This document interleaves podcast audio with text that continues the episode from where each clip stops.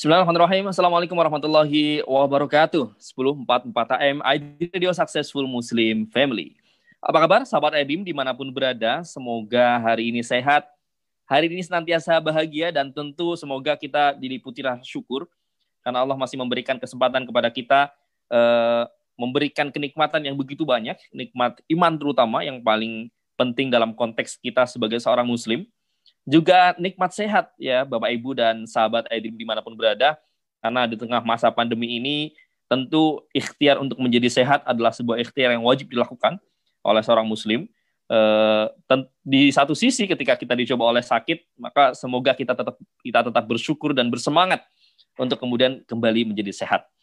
Baik, sahabat ibu sekalian eh, di mana pun berada, sore hari ini kita akan melanjutkan agenda kita di Ngaji From Home spesial eh, kajian tematik pada sore hari ini. Spesial kita akan membahas tentang konsep negara dalam fikih Islam. Insya Allah eh, akan diisi oleh Dr. Abbas Mansur Tamam MA. Beliau merupakan dosen di Universitas Ibnu Khaldun Bogor, juga merupakan eh, pengajar di Universitas Indonesia, Sekolah Strategik dan Global. Baik, Sahabat dan sekalian, kita uh, masih menunggu uh, beliau, ya, Dr. Abbas. Insya Allah sudah bergabung di Zoom kita dan kita insya Allah akan sapa beliau. Perlu kami sampaikan kepada sahabat dan sekalian di mana pun berada bahwa ngaji from home diagendakan oleh iDream Radio dan rutin bersama Anda sekalian. Uh, pada sore ini kita bekerja sama dengan Kozwa. Kozwa ini merupakan platform pembiayaan syariah online. Dia startup anak bangsa yang insya Allah juga akan berkontribusi dalam konteks perekonomian di Indonesia insya Allah. Baik, sahabat Im sekalian, kami mengingatkan juga kepada sahabat Im sekalian bagi yang belum like sama subscribe, eh, boleh silakan like dan subscribe terlebih dahulu, gitu ya, sambil share materi pada sore hari ini, di share ke keluarga terdekat, gitu ya, sahabat-sahabat dan seterusnya, untuk mengikuti kajian uh, tematik pada sore hari ini dengan tema yang luar biasa tentang konsep negara dalam fikih Islam. Baik, Dr. Abbas uh, Mansur Tamam sudah gabung bersama kita. Assalamualaikum, Ustadz Abbas. Assalamualaikum warahmatullahi wabarakatuh ya. Sehat Alwi ya. Sehat sehat ya. Alhamdulillah Rabbil Alamin. Alhamdulillah. Ya, Jazakumullah khair sudah berkenan hadir di acara kami di iDream Radio. Wayakum, wayakum mudah-mudahan kita semua sehat ya. Mudah-mudahan. Amin amin ya rabbal alamin. Uh, Dr. Uh, Abbas Mansur Tamam MA ini merupakan guru saya juga sebetulnya ya di kampus gitu ya. Mengajar banyak uh, materi-materi perkuliahan berkaitan dengan konteks keislaman tentunya. Baik, sekali lagi terima kasih uh, Ustadz uh, Abbas sudah berkenan hadir di acara ngaji from home pada sore hari ini. Baik, Bapak Ibu sekalian dan sahabat dari sekalian yang berbahagia, mari sama-sama kita buka materi ini, kajian ini dengan sama-sama membaca umul kita bersama-sama seraya kemudian mengikhtiarkan untuk mendoakan terbaik untuk bangsa kita. Semoga kita semuanya bisa melewati masa-masa berat ini bersama-sama. Al-Hadiyin ya, Al-Fatihah. Bismillahirrahmanirrahim. مالك يوم الدين إياك نعبد وإياك نستعين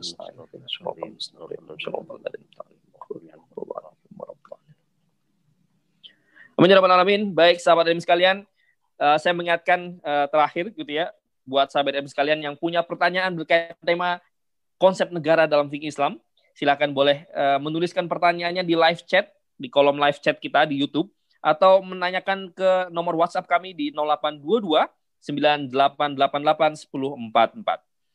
Sekali lagi untuk sahabat dan sekalian yang punya pertanyaan boleh menanyakan di live chat atau bertanya ke WhatsApp kami di 0822 9888 1044. Baik, sahabat dan sekalian kita akan simak materi yang menarik pada uh, sore hari ini dari Dr. Abbas Mansur Tamam MA kepada beliau kami persilakan. Baik, ya bismillahirrahmanirrahim. Assalamualaikum warahmatullahi wabarakatuh. Waalaikumsalam warahmatullahi wabarakatuh. Alhamdulillah rabbil alamin wassalatu wassalamu ala sayyidil mursalin wa ala alihi wa ashabi ajma'in. Rabbi israh li sadri wa yassir li amri wa hlul 'uqdatam min lisani yafqahu qawli. Ya, terima kasih kesempatannya ya Ustaz Fakhruddin Alwi ya. Bapak, Ibu, teman-teman yang hadir dalam forum ini mudah-mudahan semuanya mendapatkan uh, bimbingan, penjagaan dan semuanya dijauhkan dari segala bentuk mara bahaya. Amin ya rabbal amin, alamin. Amin ya rabbal alamin. Merupakan kebahagiaan saya bisa ikut serta dalam forum di sore hari ini Dan topik yang akan kita diskusikan seperti yang tadi disampaikan adalah tentang konsep negara dalam fikih Islam. Sambil kita menunggu ya uh, slide share-nya, ya, kita paham bahwa di dalam khazanah Islam itu ada sebuah disiplin keilmuan yang disebut dengan asyasa asyariyah fikih politik Islam. Artinya pembicaraan tentang negara di dalam Islam itu bukan perkara yang baru ya karena sejak awal dari berkembangnya keilmuan di dalam Islam asyasa syariah ini termasuk yang apa tumbuh ya eh, dan mendapatkan ruang yang cukup signifikan di dalam kajian para ulama kita. Eh, tentu saja sejarah mencatat bahwa eh, meskipun memang dari awal para ulama kita telah berkontribusi untuk mematangkan keilmuan tentang asyasa syariah ini, tetapi Imam Al-Mawardi yang nama lengkapnya adalah Abdul Hasan Ali bin Muhammad bin Habib Al-Basri Al-Baghdadi yang wafat tahun 450 Hijriyah. Ini adalah ulama yang fenomenal yang bisa disebut sebagai bapak politik Islam pertama di dalam Islam ya. Karena beliau telah menyusun keilmuan fikih dan pemikiran politik dalam Islam ini secara utuh. Saya katakan bahwa di sini keilmuan yang beliau tuangkan di dalam karya-karyanya adalah berkenaan dengan fikih dan pemikiran politik. Fikih politik itu yang kemudian disebut dengan asyasa asyariyah itu, itu dituangkan dalam satu kitab yang sangat fenomenal dan sampai kepada kita adalah Al-Ahkam As-Sultaniyah wal Wilayat Ad-Diniyah. Ini formulasi fikih politik bermadhab syafi'i. Oleh karena itu, ada seorang ulama bermadhab Ambali merespon pandangan-pandangan Al-Mawardi ini dan menuliskan kitab dengan judul yang sama Al-Ahkam As-Sultaniyah yaitu Abu Ya'la Al-Farra. Ya, karena itu kalau kita mencari Al-Ahkam As-Sultaniyah, maka pertanyaannya adalah ini Al-Ahkam As-Sultaniyah karya siapa? Karena ada dua ya. Eh, apa kitab politik dengan judul yang sama. Yang pertama adalah ditulis oleh Al-Mawardi, kemudian yang kedua ditulis oleh Abu Ya'la Al-Farra ya. Yang membedakan apa? Yang membedakan adalah Al-Mawardi itu berdasarkan pandangan-pandangan fikih Syafi'i, sedangkan Al-Farra itu berdasarkan pandangan-pandangan fikih Hambali, madhab Hambali. Ya. Tetapi dua-duanya memang berbicara tentang persoalan yang sama. Mengapa antara dua madhab ini memiliki pandangan yang berbeda? Karena di dalam ahlus sunnah wal jamaah, uh, asyasa syariah atau berkenaan dengan persoalan tentang konsep bernegara itu masuk ke dalam wilayah fikih. Tentu saja ini berbeda dengan konsepnya Syiah. Karena dalam pandangan Syiah disebut dengan al-wilayah atau kekuasaan itu merupakan bagian dari persoalan akidah. Ya. Dan ini yang membedakan antara uh, apa ahlus sunnah dengan syiah di dalam konteks tentang al-wilayah atau kekuasaan ini. Ya. Nah meskipun begitu, banyak sekali buku-buku yang ditulis oleh Al-Mawardi berkenaan dengan politik. Satu di antaranya adalah berkenaan dengan pemikiran politik. Ya, Salah satu buku fenomenal dalam hal ini adalah Tashilun Nadhar wa Ta'jilul Dhafar fi Akhlaqil Malik wa Siyasatil Mulk Ya, ini berkenaan dengan politik, tetapi dari aspek filsafatnya, aspek pemikirannya. Ya, eh, persoalan ini mengingatkan saya pada kajian lama saya karena saya melakukan penelitian tesis di Al Azhar itu dengan satu uh, judul adalah al akhlak uh, akhlak atau apa akhlak dan politik ini mirip dengan apa yang disebut dengan etika politik. saya melakukan penelitian dalam dua uh, objek uh, penelitian uh, kepustakaan. Yang pertama adalah melakukan penelitian buku yang ditulis oleh Imam Al-Mawardi ini Tasilun Nadhar wa Ta'jilud Dhafar fi Akhlaqil Malik wa Siyasatul dan yang kedua saya bandingkan itu dengan uh, Machiavelli ya dengan uh, judulnya yang sangat terkenal dengan Il Prinsip ya karena itu saya membandingkan antara dua uh, tokoh ini yang pertama Al-Mawardi yang diwakili oleh buku Tasilun Nadhar dan yang kedua adalah Machiavelli dengan uh, bukunya Il Prinsip tadi itu. Nah, jadi ini adalah buku yang berkenaan dengan pemikiran politik ya. Oleh karena itu maka mengapa Al-Mawardi dalam konteks politik dalam Islam itu sebegitu penting karena beliau tidak hanya menekuni persoalan ini dari aspek fikih tetapi juga bahkan dari aspek filsafat dan pemikirannya, bahkan kemudian adab-adab sastra politik juga itu eh, banyak buku yang ditulis oleh Al-Mawardi berkenaan dengan persoalan politik ini. Nah, akumulasi dari pembicaraan para ulama kita tentang persoalan-persoalan yang berhubungan dengan kekuasaan inilah yang saya katakan tadi lahir sebuah disiplin ilmu di dalam Islam yang disebut dengan asyasah asyariyah Asyasa syariah itu artinya adalah fikih politik Islam ya atau berkenaan dengan terkadang juga bisa disebut sebagai pemikiran politik dalam Islam ya. Pemikiran politik dalam Islam lebih umum ketimbang fikih politik Islam karena pemikiran politik Islam itu bisa dilihat dari berbagai aspek termasuk dalam aspek pemikiran uh, filsafat serta sastra uh, politik dalam Islam itu sendiri. Oke, pertanyaannya adalah yang disebut dengan negara itu apa? Saya mengambil dari sebuah literatur dari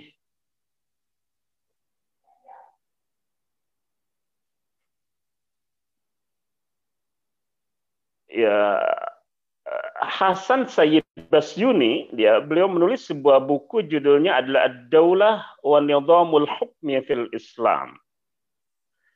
Dan menyebutkan bahwa yang disebut dengan negara adalah sistem kekuasaan berdaulat yang mengorganisasi manusia yang tinggal di suatu wilayah dengan menganut tatanan sosial, politik, dan hukum tertentu untuk mewujudkan kepentingan bersama ini yang disebut dengan negara dalam uh, perspektif politik ya karena dalam hal ini politik Islam maupun juga uh, apa uh, politik secara umum membicarakan hal yang sama ya.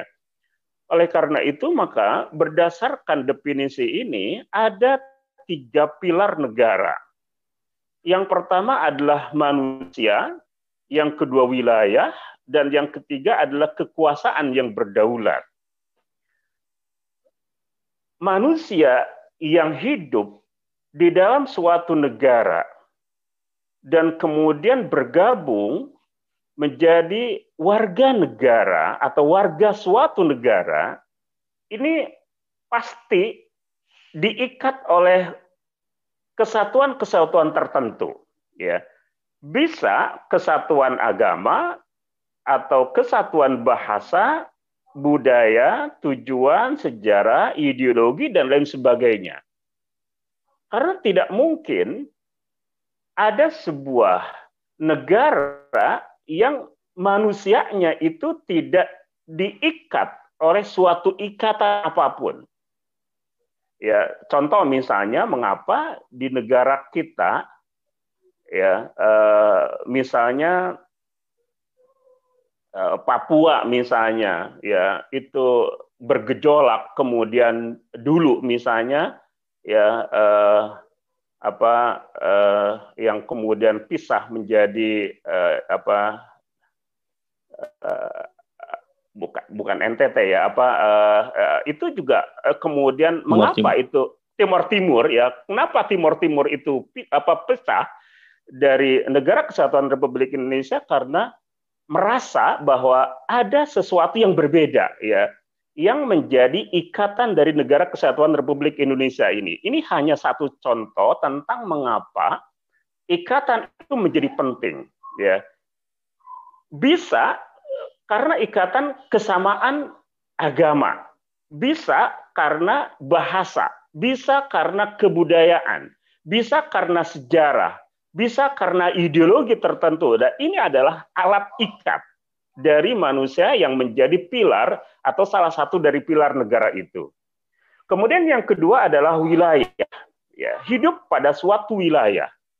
Wilayah ini mencakup daratan, perairan, dalam hal ini tentu saja lautan dan uh, tentu saja kedaulatan negara. Ya, wilayah itu juga termasuk bagian dari wilayah negara. Dan yang ketiga adalah kekuasaan yang berdaulat. Ya, dalam hal ini dia berdaulat baik di dalam negeri maupun di luar negeri. Ya, mengapa berdaulat? Di dalam fikih politik Islam itu bisa disebabkan karena dua hal. Pertama adalah karena dia melaksanakan ajaran Allah, ketundukannya terhadap hukum-hukum Allah oleh karena itu maka ketika eh, Umar bin Khattab satu contoh dia menjabat sebagai khalifatu khalifati Rasulillah pada masa awal ketika Umar bin Khattab naik ke tahta kekhalifahan belum ada istilah Amirul Mukminin tetapi yang ada adalah khalifah Abu Bakar disebut sebagai khalifatu Rasulillah pengganti Rasulullah Kemudian Umar ketika dia berkuasa menjadi pengganti dari pengganti Rasulullah karena itu disebut khalifatu khalifati Rasulillah. Nah, dia kemudian ya meskipun kemudian kita tahu bahwa ada gelar yang disebut dengan Amirul Mukminin dalam perkembangan berikutnya ya pada masa Umar bin Khattab, dia kemudian menyampaikan atau meminta kepada masyarakat rakyat ketika itu agar uh, mereka terlibat di dalam proses pengawasan ya terhadap kepemimpinan Umar bin Khattab itu. Dan ketika mereka menjawab ya bahwa mereka itu akan meluruskan Umar bin Khattab dengan pedangnya ya kalau Umar bin Khattab menyimpang dari ketetapan-ketetapan yang terdapat di dalam hukum agama ini. Nah, dari situ maka dia memiliki kekuasaan dan berdaulat itu karena dalam konteks mengikuti perintah Allah, ajaran agama Allah. Ya, dari situlah maka ketika terjadi penyimpangan terhadap ketentuan-ketentuan ajaran-ajaran agama Allah, maka dia kehilangan otoritas untuk menjabat dan karena itu bisa diturunkan. Ah, oke, okay, jadi ini yang pertama. Yang kedua adalah keriduan rakyat, kerelaan, pilihan rakyat. Karena itu maka rakyat memiliki hak untuk memilih siapa yang akan menjadi pemimpinnya. Oleh karena itu maka muncul istilah yang disebut dengan asyura ya permusawaratan di dalam fikih politik Islam karena pada hakikatnya yang memiliki kekuasaan itu adalah rakyat. Rakyat yang punya kekuasaan, rakyat yang berhak untuk mendelegasikan mandat kekuasaan yang dimilikinya itu kepada orang yang dikehendakinya. Oke, ini adalah kekuasaan yang berdaulat. Jadi ini yang kemudian disebut dengan negara, ya khususnya di dalam konteks fikih uh, politik Islam tetapi juga memiliki kesamaan dengan konteks politik secara umum. Nah, eh, teman-teman yang saya muliakan, ya ini slide-nya belum bisa di-share ya, Sad ya? Kayak sudah Sad, sudah Sad. Oh sudah ya baik. Ya. Sudah ya. Kalau di YouTube-nya sudah muncul. Baik, ya. Baik ya. Kemudian eh, persoalan tentang negara, ya mungkin ini persoalan yang uh, menjadi penting untuk apa uh, kita diskusikan ya di dalam uh, topik tentang konsep negara dalam pandangan fikih politik Islam ini ya tentang hubungan antara kekuasaan dengan agama ya karena tentu saja bahwa kajian-kajian tentang siasa syariah, politik Islam, termasuk juga konteks eh, apa eh, konsep bernegara atau konsep negara, ini eh, merupakan pembahasan yang cukup eh, besar ya.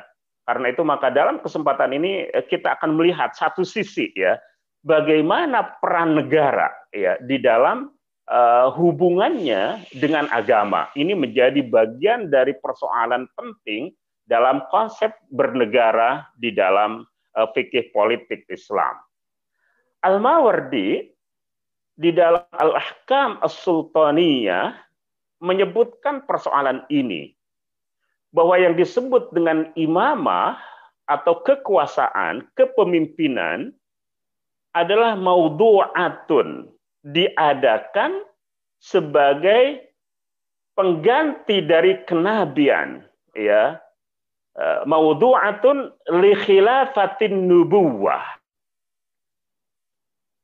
Ketika Rasulullah Shallallahu Alaihi Wasallam itu hidup dan beliau menjadi nabi yang diutus oleh Allah dan pada waktu yang sama Rasulullah itu adalah pemimpin negara khususnya ketika negara Madinah itu sudah berdiri pasca hijrahnya Nabi dan para sahabat ke Yathrib atau ke Madinah maka selain Nabi Muhammad itu sebagai rasul sebagai nabi beliau juga adalah sebagai uh, imam sebagai kepala negara.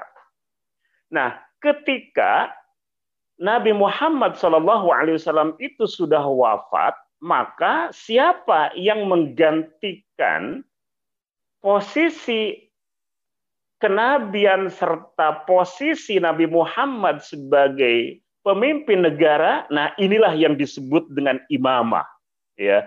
Karena itu maka diadakan sebagai pengganti kenabian. Mengapa sebagai pengganti kenabian? Karena kenabian itu sendiri tidak akan terulang. Ya, kita eh, apa meyakini benar bahwa Nabi Muhammad itu adalah khotamun nabiyyin, merupakan nabi terakhir. Karena itu tidak terulang kenabian setelah Nabi Muhammad Shallallahu Alaihi Wasallam. Oleh karena itu maka sebagaimana Nabi Muhammad itu memiliki dua otoritas. Pertama adalah otoritas di bidang agama dalam kapasitasnya sebagai nabi eh, dan rasul ya. Dan yang kedua adalah sebagai pemimpin negara, maka imamah ini juga menggantikan kenabian itu dalam dua hal. Pertama adalah dalam horosatiddin atau hirosatiddin, menjaga agama dan yang kedua adalah siasati ad-dunya, mengurusi kehidupan dunia. Nah, ini adalah dua fungsi dari negara ini. Kemudian ya, para ulama menyebutkan bahwa hukum berdirinya negara ini itu ijma. Konsensus para ulama itu bahwa ia merupakan sesuatu yang wajib jadi wajib hukumnya bahwa negara itu berdiri. Oleh karena itu, ketika Nabi Muhammad Wasallam wafat, maka para sahabat itu membicarakan tentang siapa yang bisa menggantikan kepemimpinan Nabi Muhammad Alaihi Wasallam itu mereka rembuk di Sakifah Bani Sa'idah bahkan kemudian menunda memulasara jenazahnya Rasulullah Alaihi Wasallam. Ini bukan dalam pengertian seperti yang sering disebutkan oleh para orientalis bahwa ia menunjukkan tentang bagaimana para sahabat itu ya berlomba-lomba untuk menjadi pemimpin setelah Rasulullah tetapi menunjukkan betapa bahwa keberadaan pemimpin setelah wafatnya Rasulullah itu menjadi sesuatu yang sangat-sangat urgen dan karena itu maka para ulama disebutkan oleh Al-Mawardi hukumnya ijma atau ijma sepakat bahwa hukum mendirikan negara itu adalah wajib. Yang kemudian terjadi perbedaan adalah apakah hukum wajib ini berdasarkan akal atau berdasarkan syarak? Di sini ada perbedaan pendapat di kalangan para ulama. Ada yang menunjukkan atau ada yang mengatakan bahwa ia wajib berdasarkan hukum akal atau berdasarkan akal karena orang berakal itu akan tunduk pada pemimpin yang mencegah terjadinya kezaliman dan menyelesaikan perselisihan. Sehingga tanpa pemimpin yang berkuasa, manusia itu akan mengalami kekacauan yang luar biasa. Itu sebabnya maka berdasarkan pandangan akal ini eh, berdirinya sebuah negara itu adalah wajib. Tetapi ada yang menyebut bahwa ia wajib karena berdasarkan syarak. Mengapa? Karena imam menunaikan tugas-tugas keagamaan yang bisa saja menurut akal itu bukan tugasnya. Nah, karena itu maka satu contoh tentang persoalan ya, apakah harus ada regulasi tentang azan misalnya, apakah harus ada regulasi tentang pelaksanaan ibadah haji, tentang pelaksanaan zakat, tentang pelaksanaan wakaf dan lain sebagainya, ya. Boleh jadi berdasarkan pandangan akal, sebagian orang menyebutkan bahwa itu bukan persoalan yang harus diatur oleh negara. Tetapi ketika agama berbicara tentang persoalan-persoalan itu, maka itu artinya ya bahwa tentang hak tentang puasa, tentang haji, tentang zakat, tentang sholat dan lain sebagainya itu termasuk yang harus diatur, harus ada regulasinya ya eh, oleh yang diatur oleh eh, para pengusaha penguasa itu. Nah, sehingga Allah mendelegasikan kekuasaan itu kepada waliul amri setelah Allah memerintahkan agar umat manusia taat kepada Allah dan taat kepada Rasulnya. Ya ayyuhalladzina amanu Allah wa ati'ur rasula wa ulil amri minkum. Ayat yang sangat populer ya. Nah, jadi berdasarkan pandangan ini, maka negara itu wajib berdiri, wajib hadir, wajib tegak didasarkan bukan berdasarkan pandangan akal tetapi berdasarkan pandangan syara. Karena itu maka hal ini menegaskan ya di dalam perspektif fikih politik Islam bahwa antara agama dengan negara adalah dua persoalan yang tidak bisa dipisahkan. Oleh karena itu, maka adakah ruang sekulerisme di dalam Islam? Jawabannya itu tidak ada. Kenapa tidak ada ruang sekulerisme di dalam Islam? Karena yang disebut dengan syariat atau ajaran agama, syariat itu terkadang disebutkan dengan makna bahwa ia terkait dengan hukum-hukum yang mengatur urusan kehidupan, tetapi juga terkadang dimaknai sebagai agama secara keseluruhan. Oleh karena itu maka syariat ini bermakna umum ya dan ini adalah hukum atau prinsip hukum. Apa yang disebut dengan hukum? Hukum ini ketika suatu ajaran itu bersifat operasional sehingga bisa diterapkan secara eksplisit, secara langsung, ya, karena ia berbicara tentang aturan mengenai suatu persoalan. Prinsip-prinsip hukum artinya adalah persoalan-persoalan yang bersifat global dan karena itu ia membutuhkan penjabaran-penjabaran yang lebih detail. Baik penjabaran itu bersifat middle maupun juga bersifat praktis. Ya, ketika prinsip-prinsip itu berhubungan dengan konsep yang secara am, secara mujmal. Dan syariat itu mencakup kedua persoalan ini.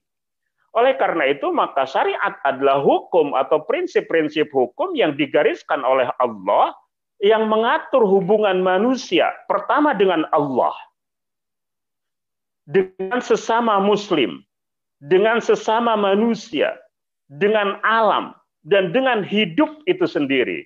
Ini yang dikatakan oleh Seshaltut di dalam Al-Islam Aqidah wa Syariah.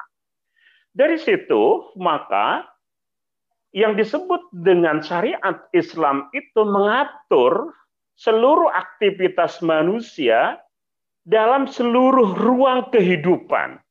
Sehingga tidak ada satupun ruang di dalam kehidupan ini yang tidak diatur oleh agama ini Sehingga kita biasa menyebutkan secara sederhana bahwa Islam itu mengatur hidup manusia dari mulai bangun tidur sampai tidur kembali. Dalam pengertian bahwa benar-benar tidak ada satupun celah di dalam ruang kehidupan ini yang tidak mendapatkan hukum atau jawaban hukum di dalam agama kita. Nah, oleh karena itu, maka ketika Islam itu bersifat syamil, bersifat universal, bersifat integral, bersifat holistik satu sama lain itu saling terkait ya maka tentu saja persoalan-persoalan kehidupan bernegara yang merupakan bagian dari persoalan penting di dalam hidup ini mustahil itu kemudian tidak mendapatkan pengaturannya, aturannya, regulasinya, hukum-hukumnya di dalam agama kita. Oleh karena itu maka ketika sekularisme ya meniscayakan minimal bahwa agama tidak boleh terlibat di dalam kehidupan bernegara itu adalah bertentangan dengan syariat Islam itu sendiri dan karena itu maka fikih siasa syariah atau fikih politik di dalam Islam itu mengatur bahwa tidak ada ruang yang hampa hukum agama di dalam seluruh ruang kehidupan termasuk dalam hal ini adalah ruang kehidupan bernegara. Nah, karena itu bukan hanya hal ini disebutkan oleh para ulama klasik kita, tetapi para ahli hukum modern ini juga membicarakan hal yang sama. Di Mesir itu ada Abdurrazak Sanhuri Basa. Dia sering disebut sebagai bapak hukum modern Arab. Karena itu beliau telah berperan sedemikian penting di dalam merumuskan tatanan kehidupan hukum bagi negara Mesir. Dan dia diterima ya tidak hanya merepresentasikan tentang Islam tetapi juga merepresentasikan tentang dunia hukum secara umum. Dan dia menyebut bahwa Islam itu adalah agama dan negara. Saya mengutip ini dari Muhammad Imaroh. Ya, ketika Muhammad Imaroh menuliskan ya, Dr. Abdul Razak Sanhuri Basha tentang pandangan-pandangan Abdul Razak Sanhuri Basha ini dalam perspektif uh, politik dan hukum. Bahwa salah satu dari uh, yang pernah disebutkan atau terucapkan tentang konsep politik atau negara di dalam Islam, itu beliau mengatakan bahwa Islam itu adalah agama dan negara. Jadi Islam itu adalah agama dan negara.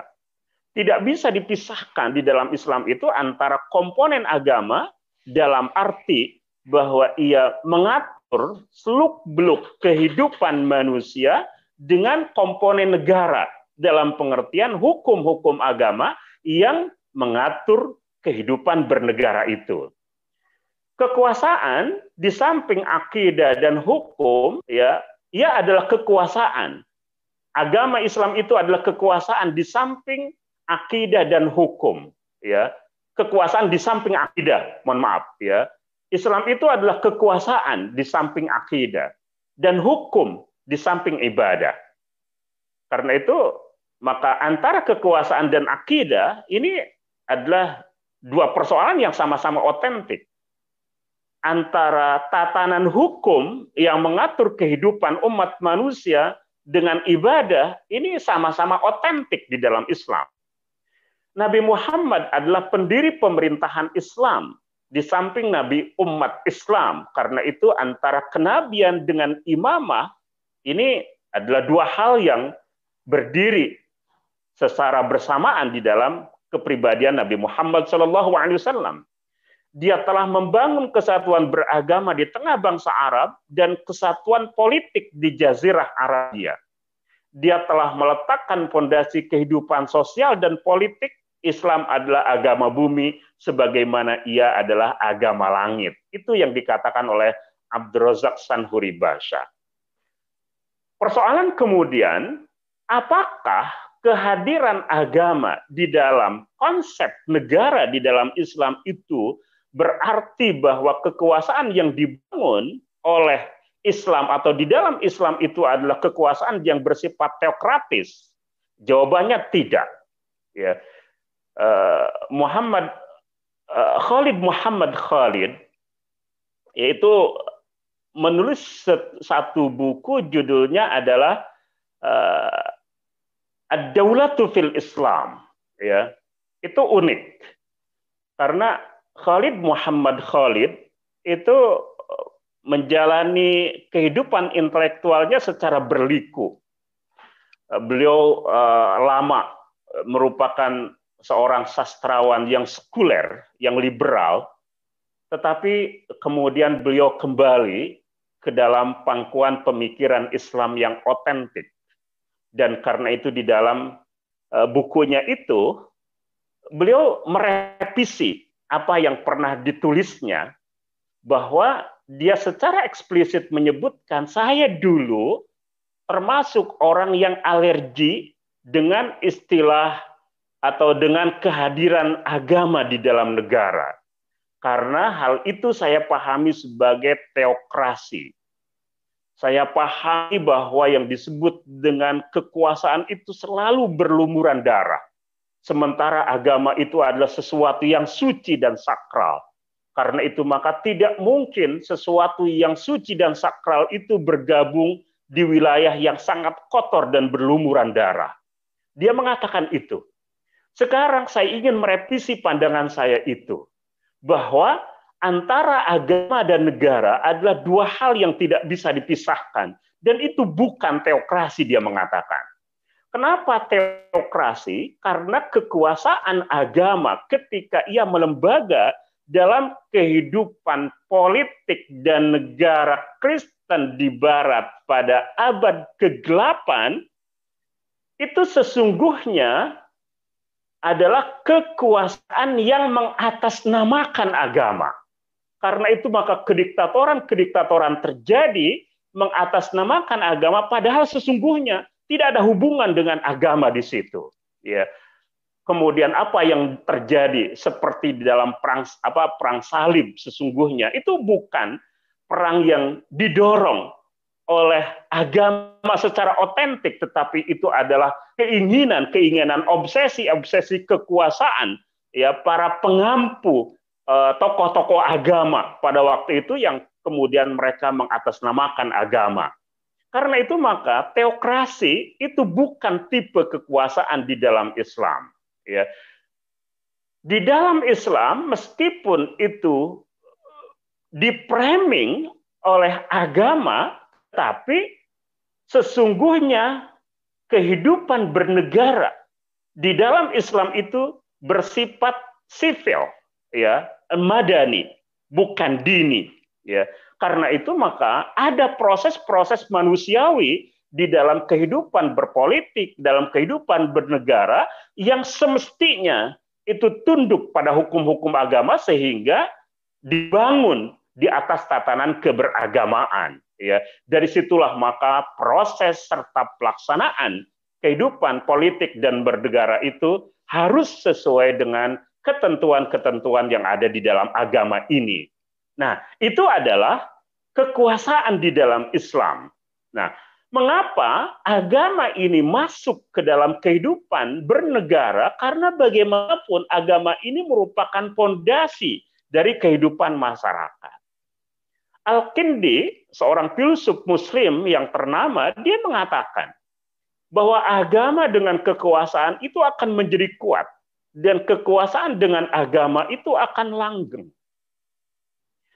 Bagaimana misalnya teori Ibnu Khaldun tentang asobiyah, ya, bahwa yang disebut dengan asobiyah itu adalah ada ikatan-ikatan emosional di dalam kehidupan sebuah masyarakat di dalam atau yang bergabung di dalam sebuah entitas negara. Maka dengan asobiyah itu, hubungan emosional itulah maka seluruh warga negara akan terlibat di dalam seluruh proses kehidupan politik dan pemerintahan.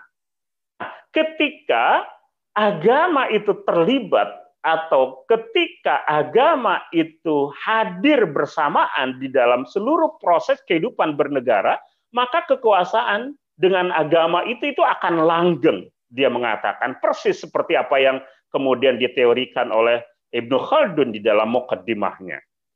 Utsman bin Affan mengatakan sesungguhnya Allah benar-benar mencegah terjadinya keburukan lewat kekuasaan sesuatu yang tidak dilakukannya dengan Al-Qur'an.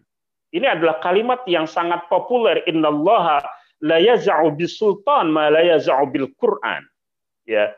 Al-Qur'an meskipun sedemikian agung tetapi ia harus diamalkan.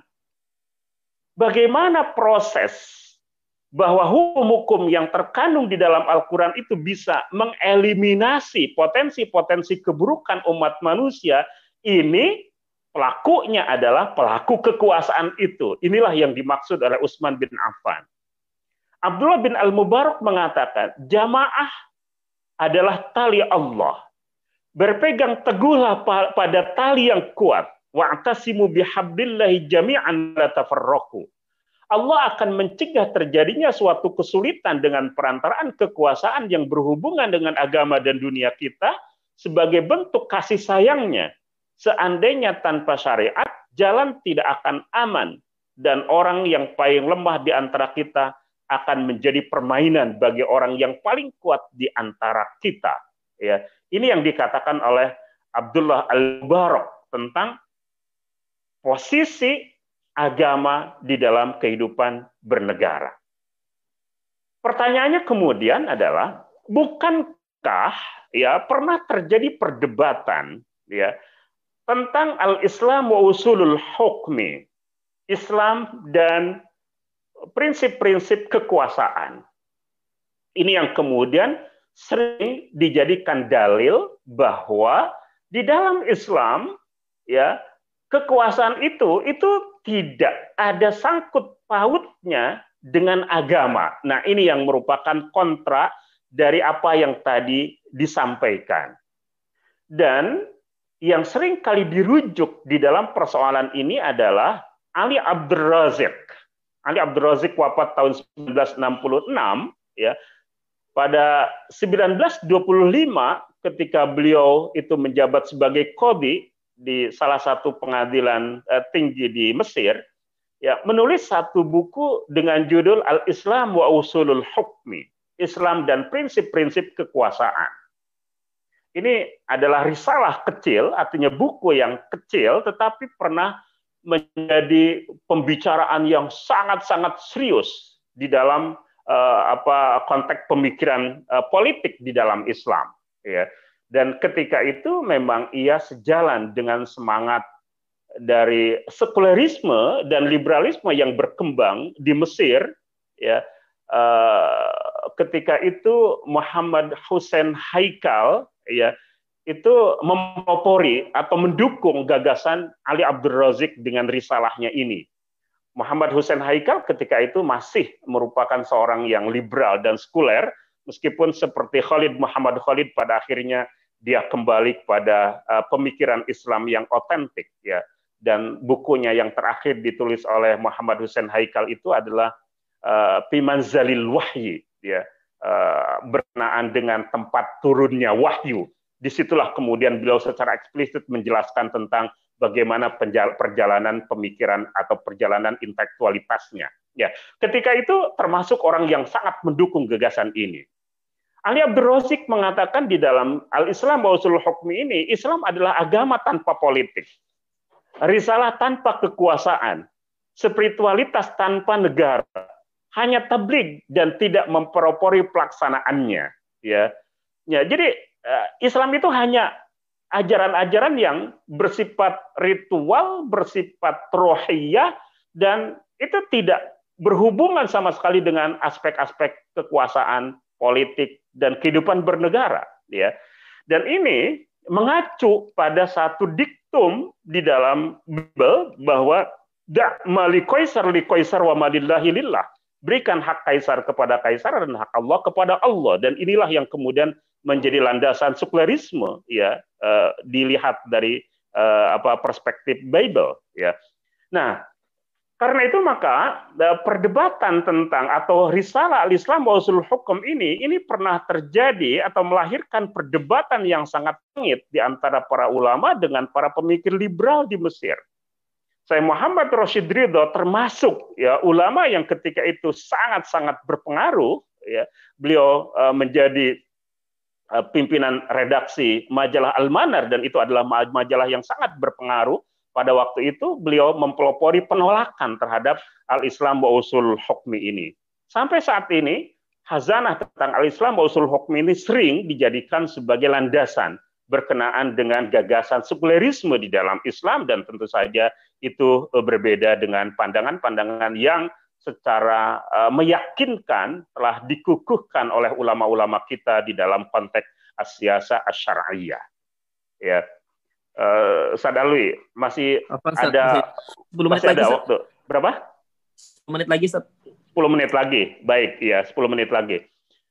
Baik ya. Uh, kemudian persoalannya adalah uh, mungkin ini sebenarnya uh, masih atau memerlukan pembicaraan yang cukup uh, panjang atau cukup serius ya berkenaan dengan uh, bagaimana konsep apa negara di dalam Islam ya kaitannya dengan apa yang disebut dengan khilafah dan nation state ya. Ini sebenarnya adalah persoalan yang cukup serius ini karena uh, diksi khilafah itu di dalam uh, pemikiran sekarang itu menjadi sesuatu yang sangat-sangat sensitif ya. Maka pertanyaannya apakah konsep negara khilafah itu uh, bertentangan dengan konsep uh, negara bangsa? Nah, ini ini perlu uh, apa uh, pengkajian secara lebih dalam ya karena ini menjadi bagian dari konsep apa negara di dalam Islam atau dalam fikih Islam termasuk juga menjadi persoalan yang cukup uh, serius disorot dari uh, konteks pemikiran kita khususnya di negeri ini di Indonesia. Sesuatu yang boleh jadi itu tidak serius-serius amat. Itu ketika uh, di tempat lain itu melihat tentang hubungan atau relasi ini ya. Saya mengatakan begini, ya, apakah negara khilafah bagian dari ajaran Islam? Ya, diksi khilafah, ya, gitu kan.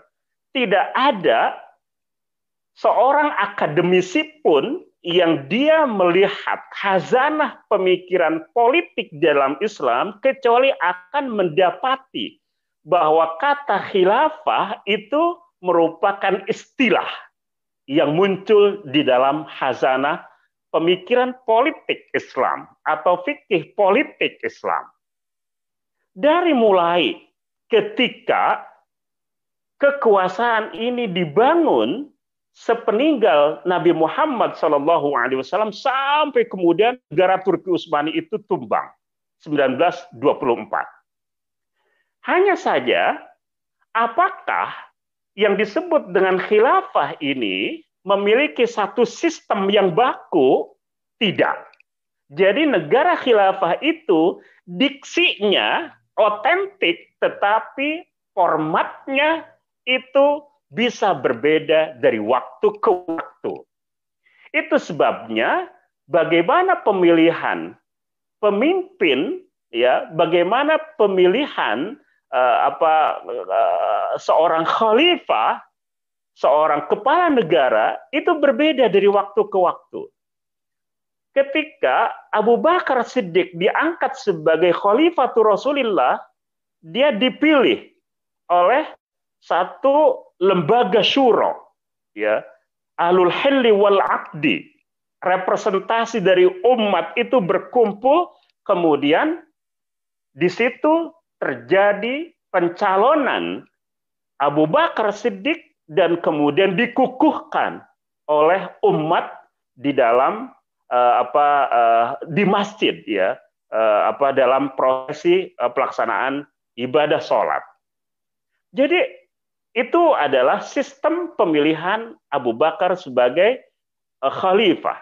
Tetapi ketika Umar bin Khattab dipilih oleh Abu Bakar Siddiq, itu adalah penunjukan.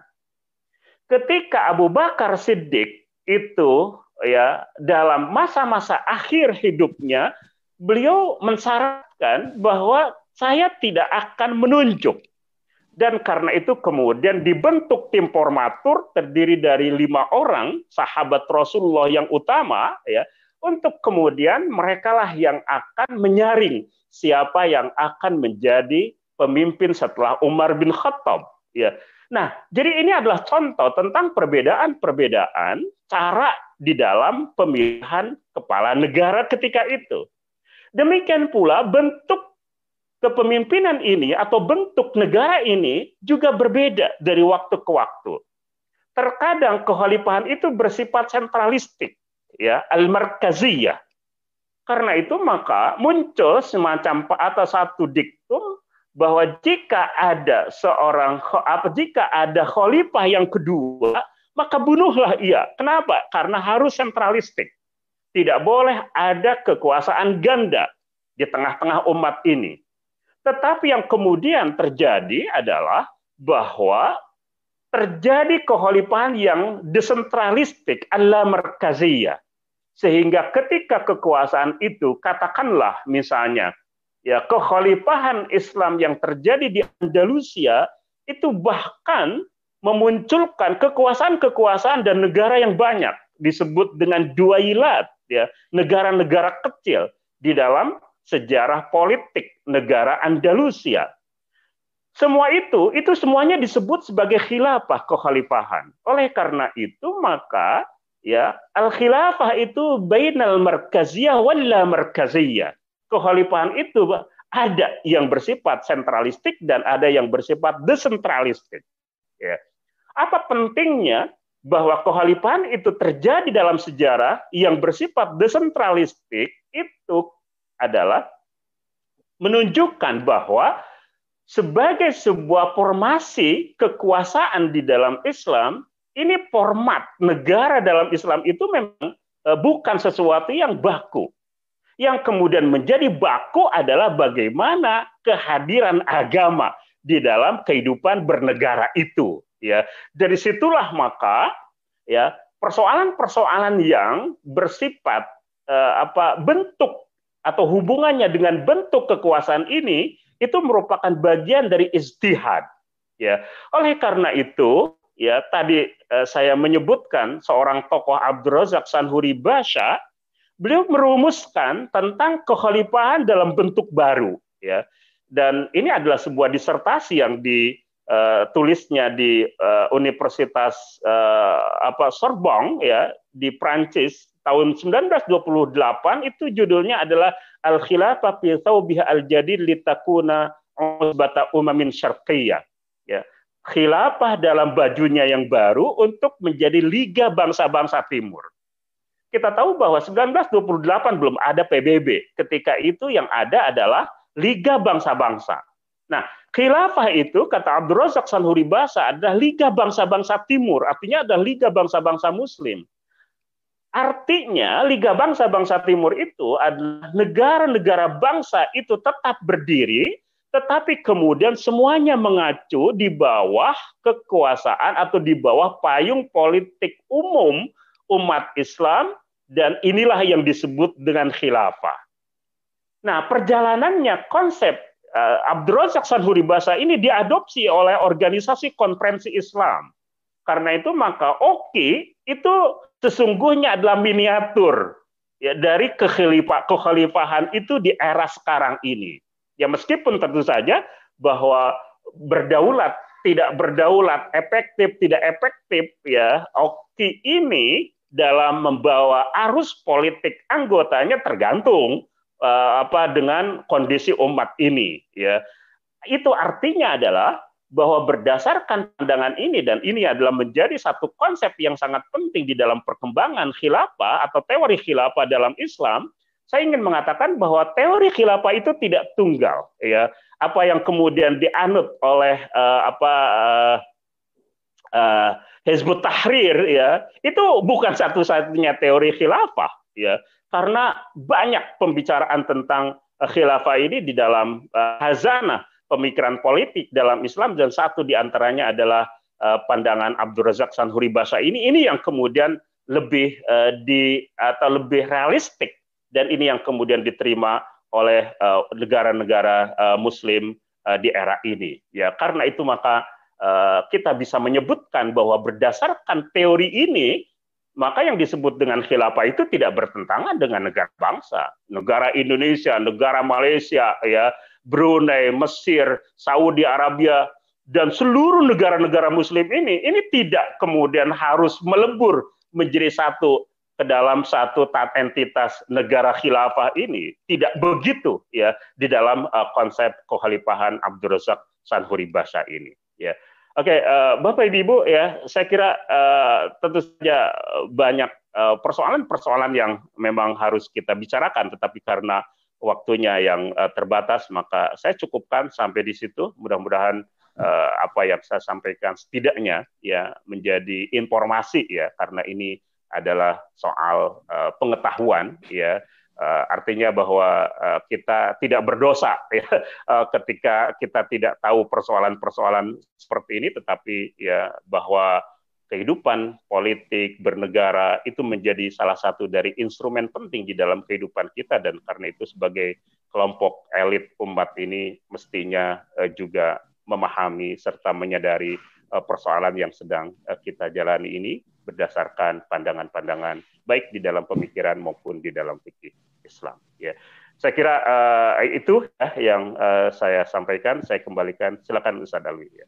Baik, jazakumullah khair kepada Dr. Abbas yang sudah menyampaikan materi yang luar biasa pada uh, sore hari ini berkaitan dengan konsep negara dalam pandangan fikih Islam. Tentu barangkali ini masih mukodimah ya Ustaz uh, Abbas ya karena uh, beliau ini pakar yang kalau saya coba waktu itu sempat browsing ya, beliau S1, S2 dan S3 di uh, Al Azhar sehingga tentu uh, secara keilmuan patut untuk kita kulik lebih banyak gitu ya, sehingga mendap, menjadi inspirasi lebih uh, uh, banyak kepada masyarakat di Indonesia, umat Islam di Indonesia. Sehingga jazakumullah khair, Dr. Abbas, kita Wayakum, wayakum, uh, ya. izin untuk membuka sesi pertanyaan ya, Dr. Abbas ya. Baik. Baik. Uh, kepada sahabat sekalian yang ingin bertanya boleh disampaikan ke live chat di uh, YouTube channel kita atau melalui WhatsApp kami di 0822 8, uh, 988 1044. 0822 9888 1044. Baik, Dokter Abbas, uh, ini ada pertanyaan dari Kak Asmara dari Kota Bengkulu. Assalamualaikum warahmatullahi wabarakatuh. Afan izin bertanya Ustadz. Apa standar dari kedaulatan negara menurut pandangan Islam? Kemudian jika tidak terwujud, apakah dia berdosa atau tidak berdosa? Dan apa yang harus dilakukan? Jazakumullah khair. Tentang uh, standar dari kedaulatan negara menurut menurut Islam tadi ya. Apakah ada asas-asas tertentu gitu ya dalam konteks pandangan Islam berkaitan dengan kedaulatan? Fadal, Dr. Abbas. Ya.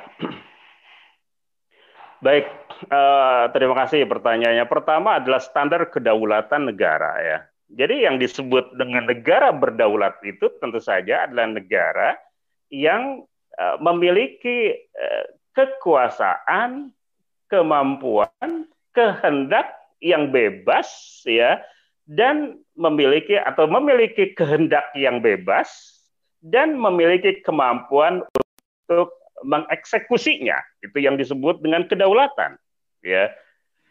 Nah jadi uh, satu contoh misalnya dalam apa dalam uh, dalam skop yang uh, mikro ya gitu kan. Kita sering kali uh, punya keinginan. Keinginan kita bebas ya.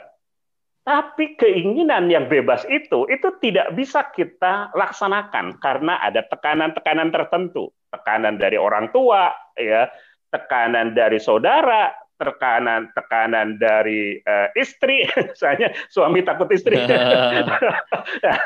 nah, jadi keinginannya bebas, tapi yeah, yeah, dia yeah. tidak memiliki kemampuan untuk mengeksekusinya karena ada tekanan-tekanan lain. Nah, ini adalah tidak berdaulat sesungguhnya, gitu kan? Contoh dari kedaulatan itu adalah Allah Subhanahu wa taala dengan rububiyahnya Allah memiliki kehendak yang bebas tidak ada yang mendikte ya kehendaknya kemudian setiap apa yang menjadi kehendaknya dia eksekusi dengan sebaik-baiknya. Itu kedaulatan yang mutlak, kedaulatan yang murni dalam pengertian berdaulat gitu. Nah, maka negara juga begitu, ya. Ketika negara melaksanakan tugasnya, ya, melaksanakan apa yang menjadi uh, apa otoritasnya di dalam mengelola kehidupan bernegara ini, ya, karena bagaimanapun yang disebut dengan negara ini sesungguhnya adalah uh, apa sesuatu yang abstrak tetapi terpersonalisasikan pada penguasa, pada uh, presidennya, pada rajanya gitu, pada perdana menterinya ya. Bagaimanapun kekuasaan itu adalah sesuatu yang abstrak. Negara itu abstrak tetapi menjadi konkret itu pada diri pemimpin tertingginya. Nah, karena itu maka ketika ada suatu negara dengan pemimpin tertingginya itu, katakanlah presiden, dia kemudian didikte oleh pihak-pihak yang lain, maka berarti tidak berdaulat dia sebagai kepala negara. Ketika ya negara dengan trias politikanya itu memiliki kedaulatan, tetapi kemudian uh, apa dalam pengertian bahwa secara konsep bahwa negara itu memiliki kemerdekaan untuk berpikir dan berpendapat serta menyampaikan pandangan di depan apa di, di depan publik ya tetapi ketika negara itu mau mengeksekusi apa yang sudah menjadi ketetapannya ternyata itu ya ternyata itu ditentang dan dia oleh negara-negara yang lain dan dia harus tunduk pada keinginan negara-negara yang lain itu itulah yang kemudian disebut dengan tidak berdaulat meskipun pikirannya kehendaknya rencananya itu bebas. Nah, dari situlah maka dalam fikih politik Islam itu banyak dibicarakan persoalan itu. Al-Mawardi dalam Adabud Dunyawaddin membicarakan persoalan itu, ya.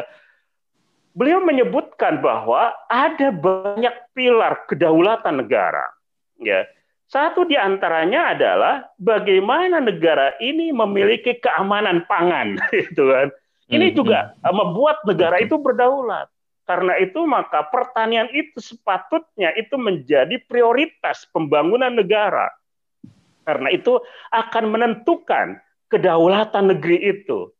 Bagaimana mungkin ya apa suatu negara itu akan berdaulat ketika sesuap nasinya itu berhubungan dengan negara yang lain. itu kan hmm, tidak betul, mungkin.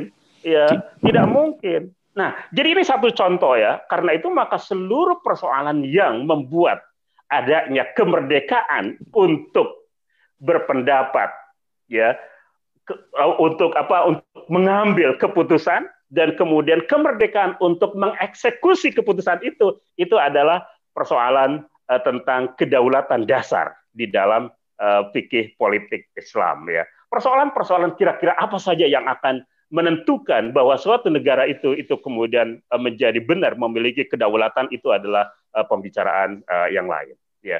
Kemudian betul bahwa ketika Al-Mawardi menyebut bahwa kehadiran negara itu adalah wajib secara ijma itu artinya ketika negara itu tidak hadir, maka hukumnya itu seluruh umat ini berdosa. Gitu. Karena ini menjadi satu kewajiban yang disebut dengan fardu kifayah.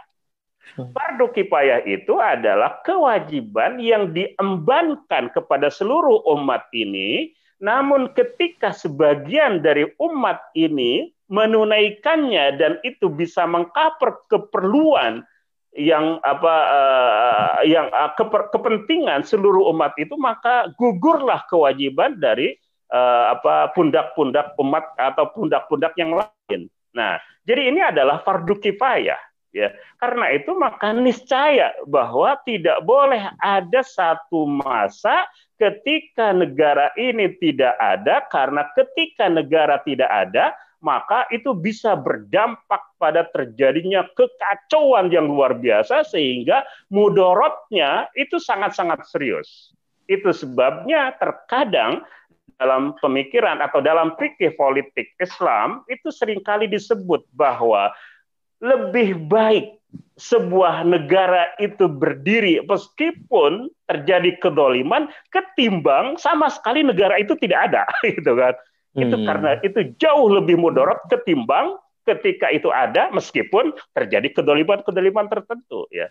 Ini menunjukkan apa? Menunjukkan apa bahwa sangat serius dampak dari ketika sebuah uh, apa masyarakat itu tidak memiliki payung politik yang menaunginya karena itu benar-benar itu akan uh, terjadi uh, kemudorotan, kekacauan uh, yang luar biasa.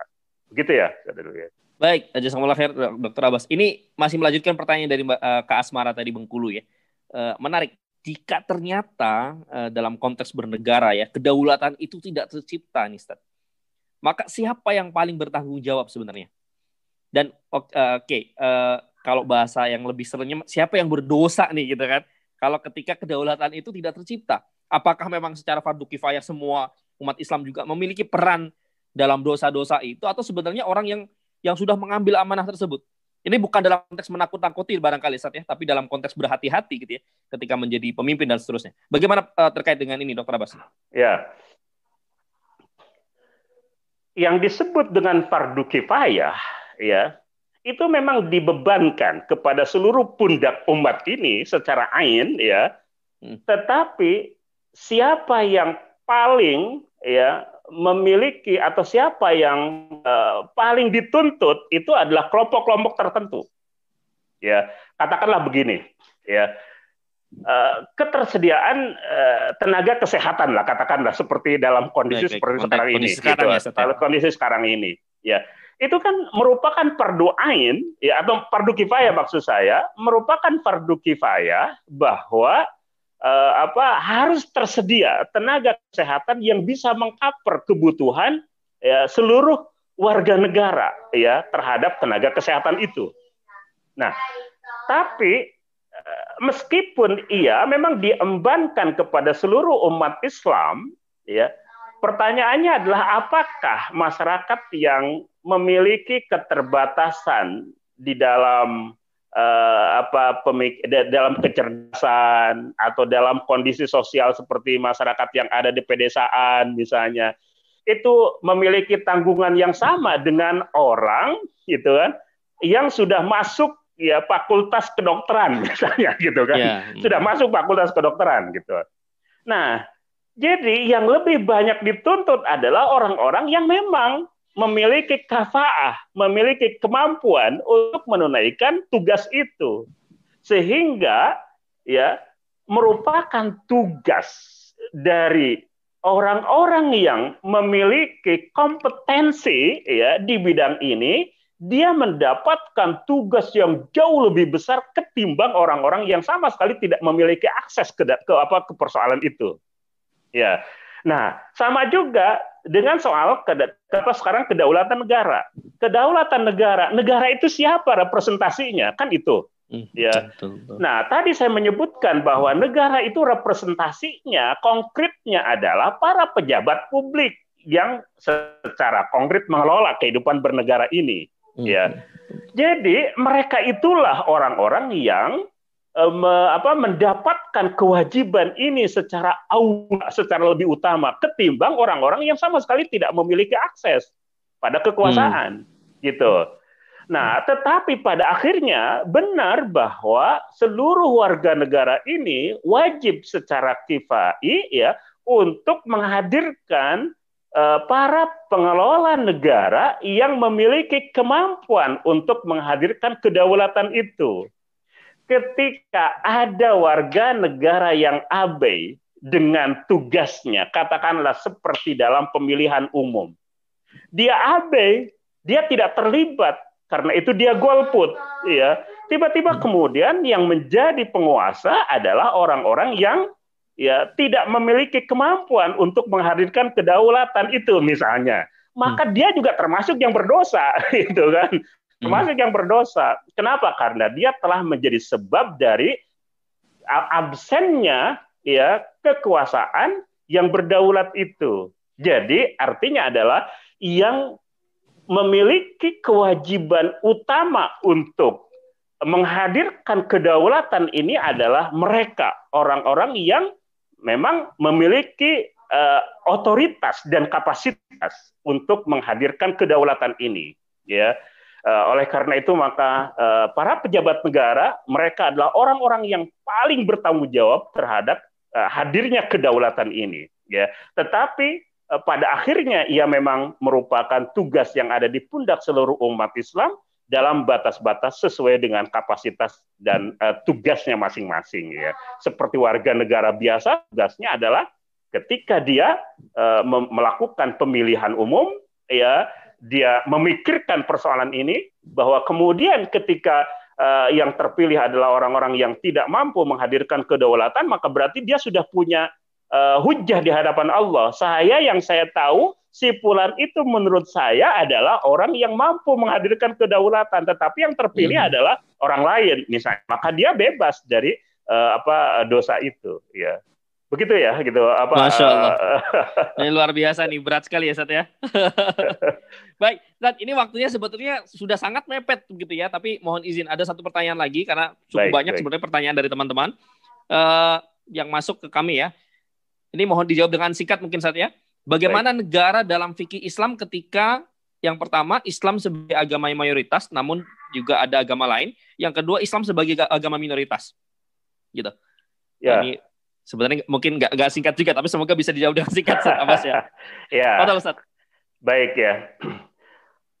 Intinya adalah yang menjadi konsep agama, uh, konsep negara di dalam Islam itu adalah negara yang mampu menghadirkan dua tugas tadi itu secara bersamaan. Ya, pertama adalah menjaga agama dan yang kedua adalah uh, menyiasati kehidupan dengan sebaik-baiknya ya itu itu pertama. Ya itu merupakan hal yang bersifat mutlak itu.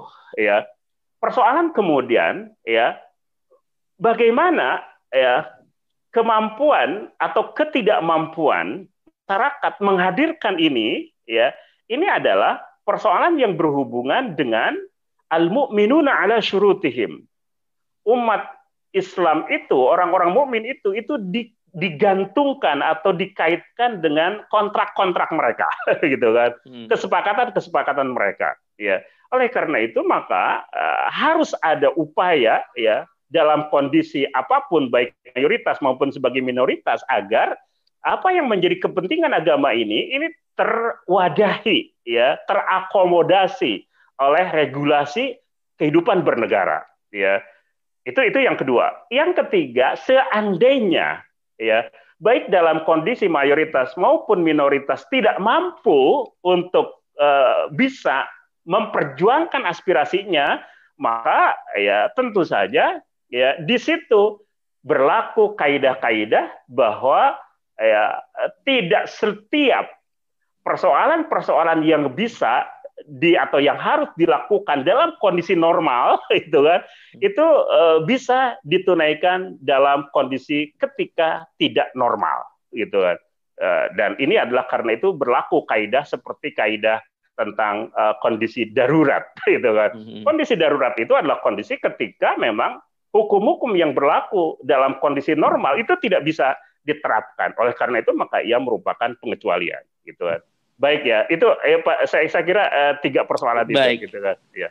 Baik, semoga lahir Dokter Abbas uh, atas jawaban dari pertanyaan kawan-kawan sekalian, sahabat Adim yang bertanya pada sesi sore hari ini. Saya rasa ini diskusi yang uh, luar biasa yang semoga Ustadz Dokter Abbas berkenan untuk join kembali di pertemuan-pertemuan berikutnya berkaitan dengan konteks ini uh, negara memang isu-isu uh, seperti ini masih hangat juga uh, dibicarakan saat ya dalam konteks uh, umat Islam saat ini termasuk dalam tadi ya pertanyaan-pertanyaan tentang khilafah itu sebenarnya gimana begitu ya uh, semoga kita bisa kulik lagi di pertemuan-pertemuan mendatang dengan Dr. Abbas namun sebelum kita tutup mungkin Dr. Abbas ada closing statement Dr. Abbas baik ya ya terima kasih ya Ustaz Fahrid Nalwi ya uh, Bapak Ibu yang hadir dalam uh, forum ini ya uh, itu yang bisa saya sampaikan berkenaan dengan uh, konsep negara dalam fikih Islam ya.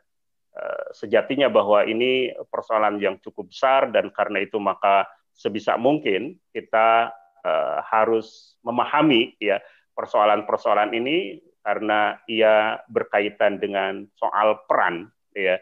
Uh, setidaknya adalah peran kita sebagai warga negara terhadap uh, kehidupan uh, negara secara makro ini agar setidaknya kita bisa menunaikan apa yang menjadi kewajiban kita hingga pada akhirnya kita tidak menjadi orang yang setidaknya tidak menjadi orang yang berdosa di hadapan Allah Subhanahu wa taala ketika kita abai karena ketidaktahuan kita mengenai pandangan-pandangan Islam berkenaan dengan uh, negara gitu.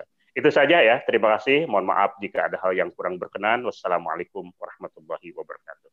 Waalaikumsalam warahmatullahi wabarakatuh. Jazakumullah khair kepada Dr. Abbas Mansur Tamam MA yang sudah memberikan inspirasi dan ilmu pada sore hari ini berkaitan dengan tema uh, konsep negara dalam pandangan fikih Islam. Uh, ada banyak hal yang kemudian kita dapat ambil uh, pelajaran ya sahabat dan sekalian termasuk dalam konteks ini adalah keterlibatan kita dalam uh, apa namanya ikhtiar menuju ke kedaulatan negara. Semoga meskipun uh, kita barangkali uh, tadi sempat menyinggung tentang pertanian, sebagian kita masih impor dan seterusnya, artinya kita belum berada pada fase kedaulatan sepenuhnya. Tapi semoga ikhtiar-ikhtiar kita adalah sebuah bagian uh, agar kemudian kita kelak punya hujah di hadapan Allah Subhanahu wa taala bahwa kita uh, sudah berperan dalam konteks bercita-cita menuju ke kedaulatan. Tadi dalam konteks banyak hal ya, Dr. Abbas menyampaikan kepada kita tentang konsep konsep-konsep negara yang disampaikan oleh para ahli dan konsep-konsep negara uh, dan pandangan yang lebih luas lagi. Baik, sahabat sekalian, kita sudah sampai pada penghujung Haji From Home spesial pada sore hari ini. Uh, terima kasih sekali lagi kepada Dr. Uh, Abbas sudah menyempatkan waktu untuk uh, mengisi, memberikan inspirasi dan informasi kepada kita sekalian berkaitan dengan konsep ini. Sama-sama ya, sama-sama. Baik, uh, sahabat sekalian, kita cukupkan dan sama-sama tutup dengan membaca doa penutup majelis. Subhanakallahumma bihamdika asyhadu an la ilaha illa anta astaghfiruka Baik, sahabat sekalian, kita sudah sampai di penghujung acara pada sore hari ini. Jazakumullah khair kepada Dr. Abbas uh, dan sahabat sekalian yang sudah uh, bersama-sama berpartisipasi di kajian tematik pada sore hari ini berkaitan dengan konsep negara dalam fikih Islam. Terima kasih, saya Farudin Alwi berserta kru yang bertugas pada sore hari ini. Mohon pamit dari ruang dengar Anda sekalian dan ruang layar Anda sekalian. Terima kasih. Wassalamualaikum warahmatullahi wabarakatuh.